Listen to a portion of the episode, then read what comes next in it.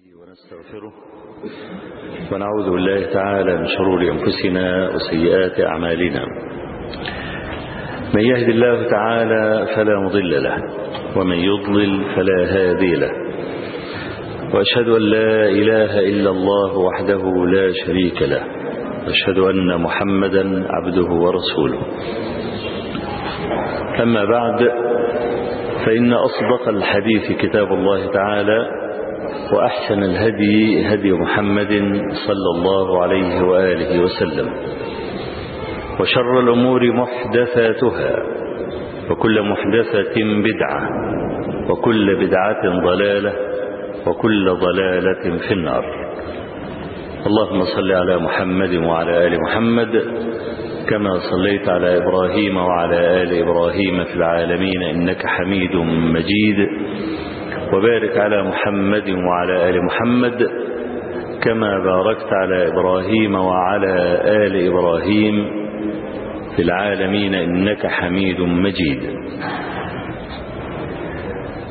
قال النبي صلى الله عليه وآله وسلم في الحديث الذي رواه البخاري وغيره الجنة أقرب إلى شراك نعل أحدكم والنار مثل ذلك.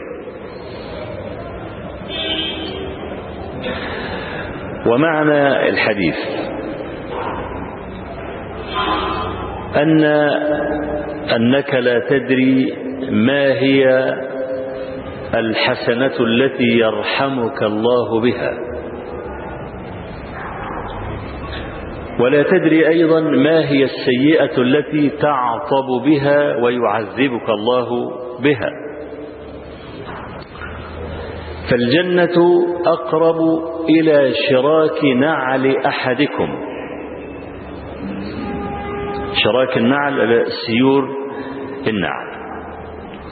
والنار مثل ذلك أن يمكن أن يفعل المرء الشيء اليسير جدا ويدخل به الجنة. وأن يفعل الشيء اليسير جدا من المعصية ويدخل بها النار. فطالما أنك لا تدري ما هو العمل الذي يرفعك أو يضعك فلا تستقل عملا إطلاقا لا من الخير ولا من الشر. إن إبليس أنزل من منزل العز بترك سجدة واحدة أمر بها. وإن آدم عليه السلام أهبط من جنة الخلد بلقمة أكلها. وإن المرء إذا سرق ربع درهم ربع, ربع دينار يعني ثلاثة دراهم تقطع يده بثلاثة دراهم. ولو أنه أولج فرجه فيما لا يحل بقدر الأنملة قتل أشنع القتلات فما يؤمنك أن تدخل النار بذنب واحد. كما سمعت هذه اليد تقطع بربع دينار. والكلام ده إذا وصل الحد إلى الحاكم. لكن إذا افترضنا أنه سرق وأخفى فأمره إلى الله إن شاء عذبه وإن شاء غفر له. والمسألة فيها تفصيل. يعني إذا سرق عفوا أو أصحح العبارة إذا سرق ما يبلغ النصاب ولم يصل إلى الحاكم كان دينا في عنقه يؤديه إلى من سرق منه من حسناته أو يأخذ من سيئات الذي سرق. أما إذا وصل إلى الحد إلى الحاكم فلا يحل للحاكم أبدا أن يسقطه حتى لو أسقط صاحب المظلمة مظلمته. وعندنا حديث صفوان بن أمية عند النسائي وغيره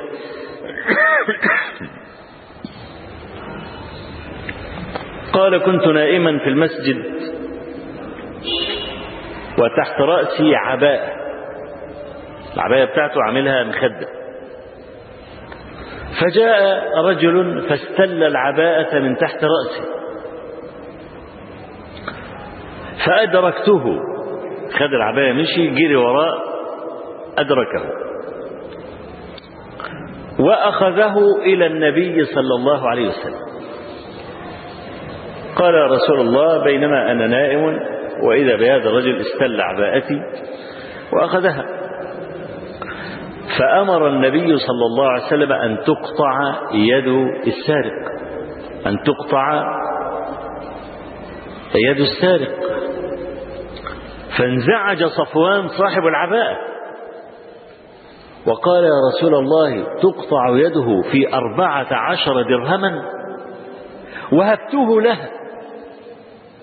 وهبته وهبتها له. خلاص مش عايز؟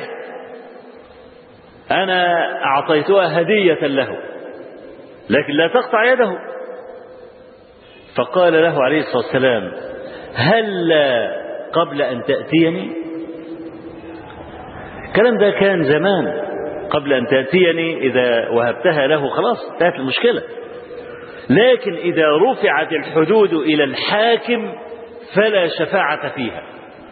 لأن إقامة الحد في هذه الحالة صار حقا لله تعالى محضا. ما عادش المخلوق له في المسألة دي حاجة. إقامة الحد صارت حقا لله تعالى.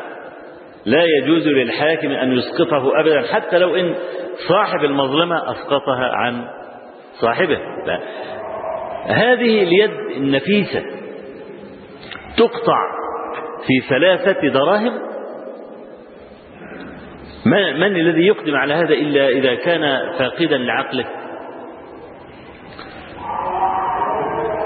ومن هذا الباب قول النبي صلى الله عليه وسلم إن العبد أو إن الرجل ليتكلم بالكلمة من سخط الله لا يلقي لها بالا تهوي به في النار سبعين خريفا. ما ظن أن تبلغ به ما بلغت. كلمة. كتير ناس ممكن يستهزئوا بالذات الإلهية أو يستهزئوا بالرسول عليه الصلاة والسلام أو يستهزئوا بأي أحد من, من المسلمين. ويظن أن هو ظريف ولطيف وخفيف و... وأضحك الناس وفرفشهم والكلام. وما ظن أن هذه الكلمة تهوي به في النار سبعين خريفا. ليه؟ لأنها من سخط الله. هو ده اللي ضيعه وأنزله سبعين خريفا. الدكتور يحيى الجمل لما اتكلم بكلام الكفر البواح الذي قاله لو ربنا نزل من السماء وخد سبعين في المية ده يحمد ربنا. فجعل للكون إلهين. جعل للكون إلهين. ده كلام كفر. مسألة إحنا بنكفره دي قصة فيها بحث. لأن العبد قد يقول كلام الكفر ولا يكفر به. جاهل. لا يدري مواقع الكلام. لكن الكلام كفر. لا يختلف عليه اثنان ولا ينتطع فيه عنزان كلام كفر دي كلمة ممكن تكون من سخط الله. يهوي بها في النار سبعين خريفا. ما كان يظن أن تبلغ هذه الكلمة ما بلغت به. فالقصد بالكلام أن النار أقرب إلى شراك نعل الواحد منا. وكما قلت في مطلع الكلام إن إبليس أنزل وأهبط من منزل العز بترك سجدة واحدة. ومن الغرائب العجائب إن واحد زي ابن عربي وتبعه طائفة من المنحرفين يقولون إن إبليس هو الذي وحد الله والملائكة أشركوا. ويستدل بالآية دي. قال إزاي؟ قال لك لأن إبليس أبى أن يسجد لبشر. والسجود للبشر شرك. فأبى أن يسجد إلا لله. يبقى هو ده اللي حقق التوحيد. إنما الملائكة سجدوا لمين؟ لآدم وآدم ده بشر. بالله عليكم الذي يقول هذا الكلام عنده عقل. مش هقول عنده إيمان لأنه كده انسلخ من الإيمان جملة واحدة إن كان يعتقد هذا. لأن الله عز وجل لعن إبليس وطرده بسبب المخالفة. وأمر الملائكة أن يسجدوا. فلما يكون الأمر أتى من الله عز وجل ما فيش حد يتكلم الكلام ده إنما يقال في حقنا نحن كبشر. إذا سجد بشر لبشر إذا أقسم بشر على بشر ببشر الكلام ده قال لي يدخل في الشرك. لكن رب العالمين لا يجوز أن يقال له ذلك. ما هو ربنا عز وجل أقسم بالتين والزيتون والليل إذا يغشى وكل دي مخلوقات. ونحن منهيون أن نحلف بأي مخلوق أيا كان. إنما يجب علينا إذا حلفنا أن نحلف بالله عز وجل وحده. إنما الله عز وجل يحلف بمن شاء من عباده وبما شاء. لا يسأل عما يفعل وهم يسألون. والله يحكم لا معقب لحكمه. وقال تعالى ولا يخاف عقباها. فيقوم يخلط القصة دي. ويقول لك إبليس هو الذي وحد الله لأنه أبى أن يسجد إلا لله. وآدم عليه السلام نزل من الجنة بلقمة أكلها. سفيان بن عيينة له كلمة جميلة في المفارقة بين ترك إبليس للسجدة وبين تناول آدم عليه السلام للقمة التي نهي عنها. قال إيه سفيان بقى؟ الإمام القرآني. المحدث الكبير الذي عقمت النساء أن تلد مثله. سفيان بن عيينة ده شيخ أحمد وشيخ الشافعي. وله كلام كده زي سلاسل الذهب. منه الكلمة الجملة اللي أنا هقولها دلوقتي. بقول إذا كانت معصية الرجل من الكبر فاغسل يدك منه. وإذا كانت معصيته من الشهوة فرج له. فإن آدم ترك السجود استكبارا فطرد وآدم أكل شهوة فغفر له. وآدم إبليس إبليس ترك السجود لآدم كبرا فطرد. وآدم تناول لقمة بشهوة فغفر له. عشان كده في فرق ما بين المبتدع والماجن. يعني واحد حبيب وبتاع أفلام ومش عارف إيه والكلام ده بتاع ممكن ده يتاب عليه. ليه؟ لأن شهوته كلها جاية منين؟ أو معصيته جاية من الشهوة. بخلاف المبتدع يعتقد بدعته دينا فيصر عليها ويموت بها كما يحكون عن الجعد بن درهم اللي هو مؤسس مذهب الجهمية الذين ينفون عن الله عز وجل صفاته التي وصف نفسه بها في القرآن. يقول لك إن الله ليس بسميع. ولا ببصير. ليه؟ لأن سميع يبقى لازم له يكون له ود. لابد أن يكون له أذن. ولو قلت له أذن يبقى شبهته بخلقه. وقال تعالى ليس كمثله شيء. يبقى ما بيسمعش وليس ببصير لأن البصر يحتاج إلى جرح عين. وإذا قلت له عيني بشبهت الله بخلقه وليس كمثله شيء بما ليس له بصر. وهو ليس متكلم لأن التكلم عايز لسان وعايز سقف حنك وعايز إسنان وعايز شفتين. وإذا قلت الله يتكلم يبقى أنت شبهت الله بخلقه يبقى ربنا ما بيتكلمش يبقى لما يكون ربنا عز وجل وتعالى الله عما يقول الظالمون علوا كبيرا لا سميع ولا بصير ولا متكلم. يبقى البشر أكمل منه ولا لا؟ لأن المتكلم أكمل من الأخرس. والبصير أكمل من الأعمى. والسميع أكمل من الأصم طب أنا بتكلم كبشر؟ أنا بتكلم أهو. وأنا أبصر وأنا أسمع. يبقى أنا أفضل ولا لا؟ يبقى جعلوا الخلق أفضل من الخالق لما نفوا عنه صفاته. وبعدين شوية جهلة مش طب ما يكمل الآية. ليس كمثله شيء وهو السميع البصير.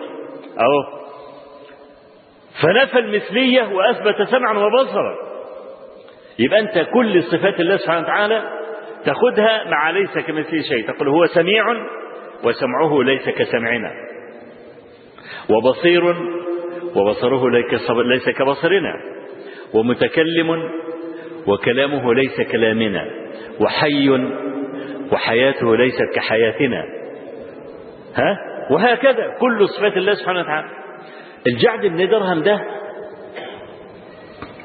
قال إن الله لم يت لم يكلم موسى تكليما ولم يتخذ إبراهيم خليلا. طبعا ده تكذيب للقرآن. واتخذ الله إبراهيم خليلا وكلم الله موسى تكليما لما يقول لك ما حصلش يبقى بيكذب إيه؟ القرآن على طول. كانت الشرطة زمان شعارها مش الشرطة في خدمة الشعب الشرطة في خدمة الدين. وهو ده المفروض يبقى شعار الشرطة. الشرطة في خدمة الدين. شعبة بن الحجاج الإمام الكبير أبو بسطام الضخم الذي يروي عن الضخام مر برجل يروي أحاديث مكذوبة.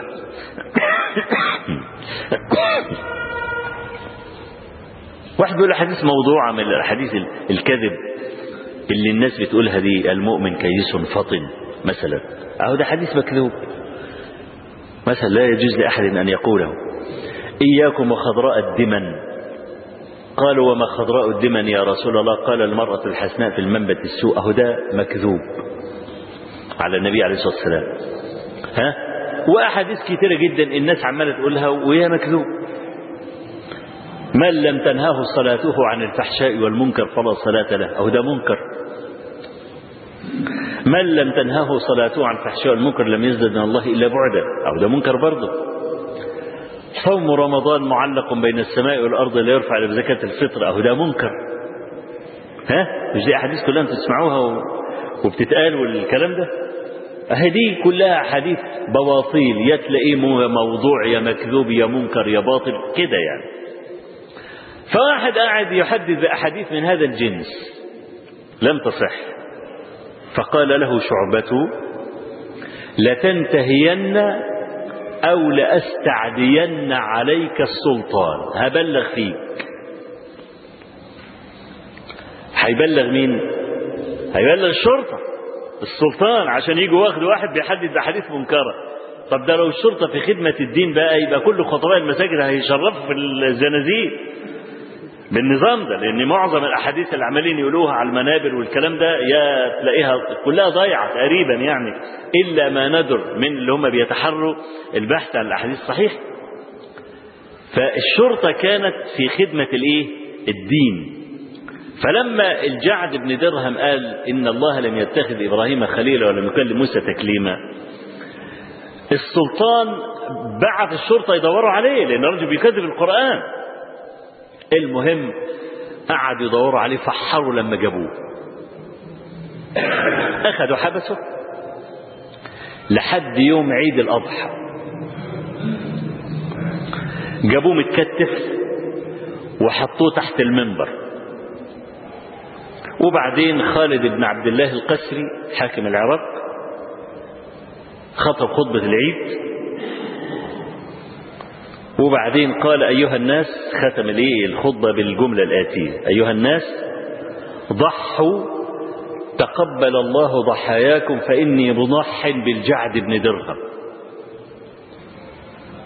فإنه يزعم أن الله لم يكلم موسى تكليما ولم يتخذ إبراهيم خليلا. ونزل فذبحه في أصل المنبر تحت المنبر يعني. طيب إحنا كمسلمين أبيح لنا أن نتكلم بكلمة الكفر لننجو. واحد قابلك ومعاه سكينة وقال لك بص بقى قل أنا كافر أنا درزي أنا نصراني أنا يهودي أنا مجوسي. وإلا هذبحك الشرع رخص لك إنك تقول الكلمتين دول وتمشي. كما قال تعالى إلا من أكره وقلبه مطمئن بالإيمان ولكن من شرح بالكفر صدره هو ده المشكلة اللي عليه. إذا انشرح صدره للكفر هو ده المشكلة. لكن تقول الكلام ده من وراء قلبك عشان تطلع من المطب؟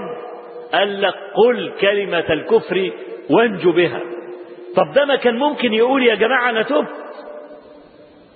ولا كانت صعب عليه يعني يقولها؟ كان ممكن يقول أنا تبت وخلاص يا جماعة وأنا بأعلن توبتي عليكم على رؤوس الأشهاد وهوت والكلام ده. وكان ينفد بجلده أبدا. ما نفتش بجلده ولا قالها حتى ولا اعتذر. ليه؟ لأنه كان يعتقد ذلك دينا. كما تعتقد أنت أن الله لا شريك له. فالمبتدع يعتقد بدعته دينا ولذلك لا يترك البدعة.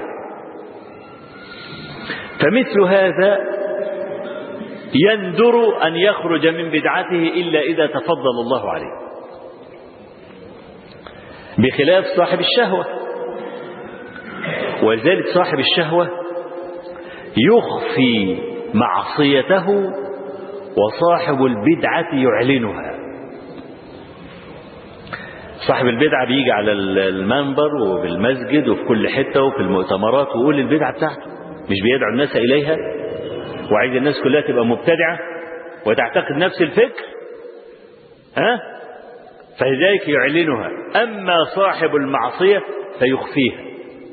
فيش واحد أبدا ممكن يفعل معصية إلا إذا كان فاجرا في غاية الفجور أو كان المجتمع كله فاجر. زي شاطئ العراة مثلا. أو مدينة العراة. الموجودة في أمريكا مثلا كلهم بلابيص طب كلهم بلابيص في بعض هيتكسفوا من إيه؟ ها؟ يبقى دي فجور عام. فما حدش مكسوف من حاجة. لكن إذا أراد أن يمارس الفجور في بلد تنكر الفجور لازم يستخبى ورا باب. لازم يقفل بالضب والمفتاح لازم يعمل حاجة. فصاحب الشهوة بيخفيها. طيب بيخفيها ليه؟ لأنه عارف إنها غلط. طالما عارف إنه غلط ممكن يتركها. بخلاف الذي يعلم أنه محق ويستعلن بها زي أصحاب الإيه؟ البدع أو الكفريات أو أو إلى آخره أصحاب المذاهب الرديئة. صح الكلام؟ يبقى إذن عندما نسمع هذا الحديث ينبغي للمرء أن يعرف موطئ قدمه. وإن الإنسان قد يغفر له بأدنى شيء. أهو النبي صلى الله عليه وسلم بيقول دخلت امرأة بغي الجنة في كلب سقته. ودخلت امرأة النار في هرة حبستها. إيه المفارقة الغريبة دي؟ يعني امرأة بغية يعني تتاجر بعرضها. دي شغلتها. فالبغية دي مثلا ممكن تكون زادت 500 مرة 600 مرة. نزلت تشرب من البير وبعدين طلعت طلعت من البير لفوق لقت وجدت كلبا يلهث الثرى من العطش. بيلعق التراب من العطش. رق قلبه والرحمة دي مش من اختصاص المسلمين بس. الرحمة دي في قلوب العالمين جميعا. ممكن تلاقي واحد كافر من أكثر الكافرين وقلبه يقطر رحمة. ويبقى عنده مروءة ونجدة وشجاعة ويلاقيك انت كمسلم مخالف له في الدين مثلا واقع في ورطة هو اللي يروح يشيلك وبتاع ويتحمل تبعة النفقة والعلاج والكلام ده. كل ده خايف عليك. الرحمة دي مش بتاعت المسلمين بس. إنما هي مشاع على مش على بني آدم بس كمان حتى على الدابة العجماء كما قال النبي صلى الله عليه وسلم إن الله خلق الرحمة مئة جزء فأنزل على الأرض جزءا واحدا يترحم منه الخلائق إنس والجن والطيور والحشرات والدواب والبهايم والكلام حتى أن الدابة العجماء اللي ما تفهمش يعني لترفع حافرها عن وليدها خشية أن تصيب. فالرحمة دي مشاع ربنا عز وجل نثرها في الخلق. فرق قلب المرأة البغيل البتاع طب ما فيش لا, لا إناء ولا معاها كوباية ولا الكلام ده. خلعت الحذاء بتاعها ونزلت ملأته بالماء وسقت الكلب. فشكر الله لها فغفر لها. دي عجيبة من العجائب ولا لا؟ دي عجيبة من العجائب بالنسبة لنا إحنا. بمقاييس المعاصي. لأن الزنا عندنا جريمة من أكبر الجرائم. وصاحبه يعذب وإلى آخره. دي امرأة غفر الله لها. ليه؟ لا يسأل عما يفعل. وفي المقابل امرأة حبست هرة. لا هي سقتها ولا أطعمتها ولا تركتها تأكل من خشاش الأرض. أهو ده شوف عملين متقابلين شوف في منتهى اليسر وعندنا قصة أبي موسى الأشعري وهي القصة دي رواها الإمام ابن أبي شيبة في المصنف بسند قوي. ورواها من طريقه أبو نعيم في كتاب الحلية وابن قدامة في كتاب التوابين. وهي من القصص الغريب. كان أبو موسى بيحتضر. في النزع يعني. ف وهو بيحتضر قال لأبنائه وهم حواليه كده يا بني اذكروا صاحب الرغيف. فقالوا له يا أبانا ومن صاحب الرغيف؟ فحكى الحكاية بقى. كان في راهب في بني إسرائيل عبد الله سبعين سنة في صومعة.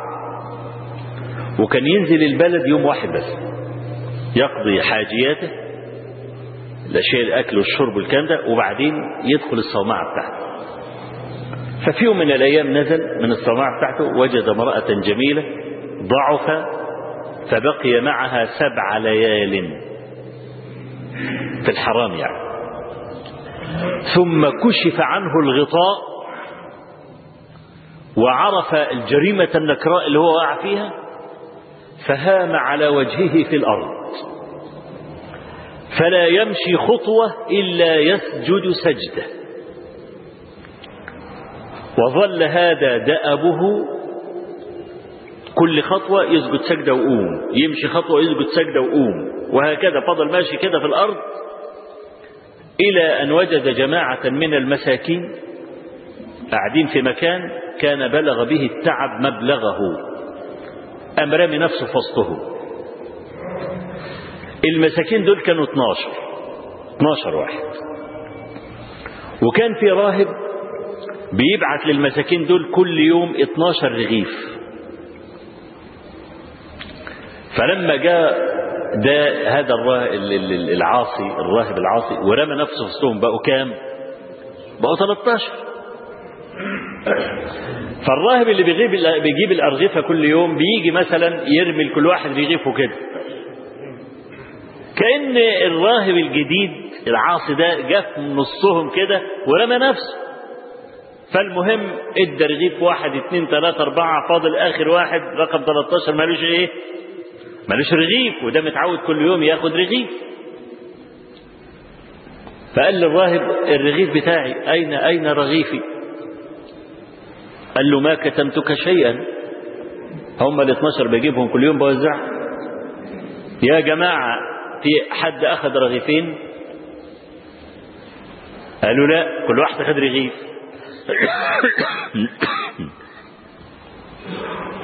فالراجل قال له مالكش رغيف؟ حق المشاهدة بينهم. قال والله لا أعطيك رغيفا سائر اليوم.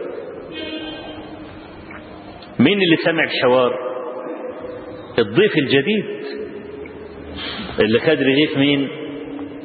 الذي أخذ رغيف صاحبه اللي كان بياخده كل يوم. فقام واخد الرغيف قام رميه لمين؟ رماه لصاحبه اللي هو بيقول فين الرغيف بتاعه. ومات من ليلته. اداله الرغيف وفي نفس الليلة مات هذا الرجل. فوزنت عبادة سبعين سنة بسبع ليال فطاشت عبادة سبعين سنة. ووزنت السبع ليال بالرغيف فرجح الرغيف فنجا. فأبو موسى الأشعري بيقول لأولاده وهو بيموت يا بني اذكروا صاحب الرغيف. يعني عبادة سبعين سنة طيرتها سبع ليالي من الزنا. هذه عبادة سبعين سنة طارت اهي بسبع ليالي. ورغيف مسح السبع ليالي. يطلع إيه رغيف يعني؟ إيه ما قيمته؟ أمام سبع ليال من الزنا. بلا تستقل ابدا. طاعة تفعلها. لعل الله عز وجل أن يرحمك بها. وأنت لا تدري. قال صلى الله عليه وسلم بينما رجل يمشي إذ وجد غصن شوك. فنحاه جانبا فشكر الله له فغفر له. غصن شوك شوك هتدخل في رجل واحد.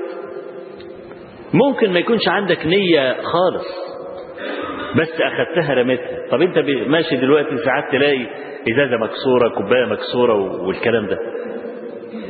أنت عارف لو أنت وقفت ومسكت الإزاز ده ونحيته على جنب كده عشان ما يدخلش في رجل حد ممكن ده يكون أبرك من قيام ليلك طيلة عمرك. هو إحنا عارفين حاجة؟ هو إحنا عارفين موازين الأعمال شكلها إيه؟ أهو حاجة سهلة أهو. ولا تكلفك شيئا ولا تكلفك عناء.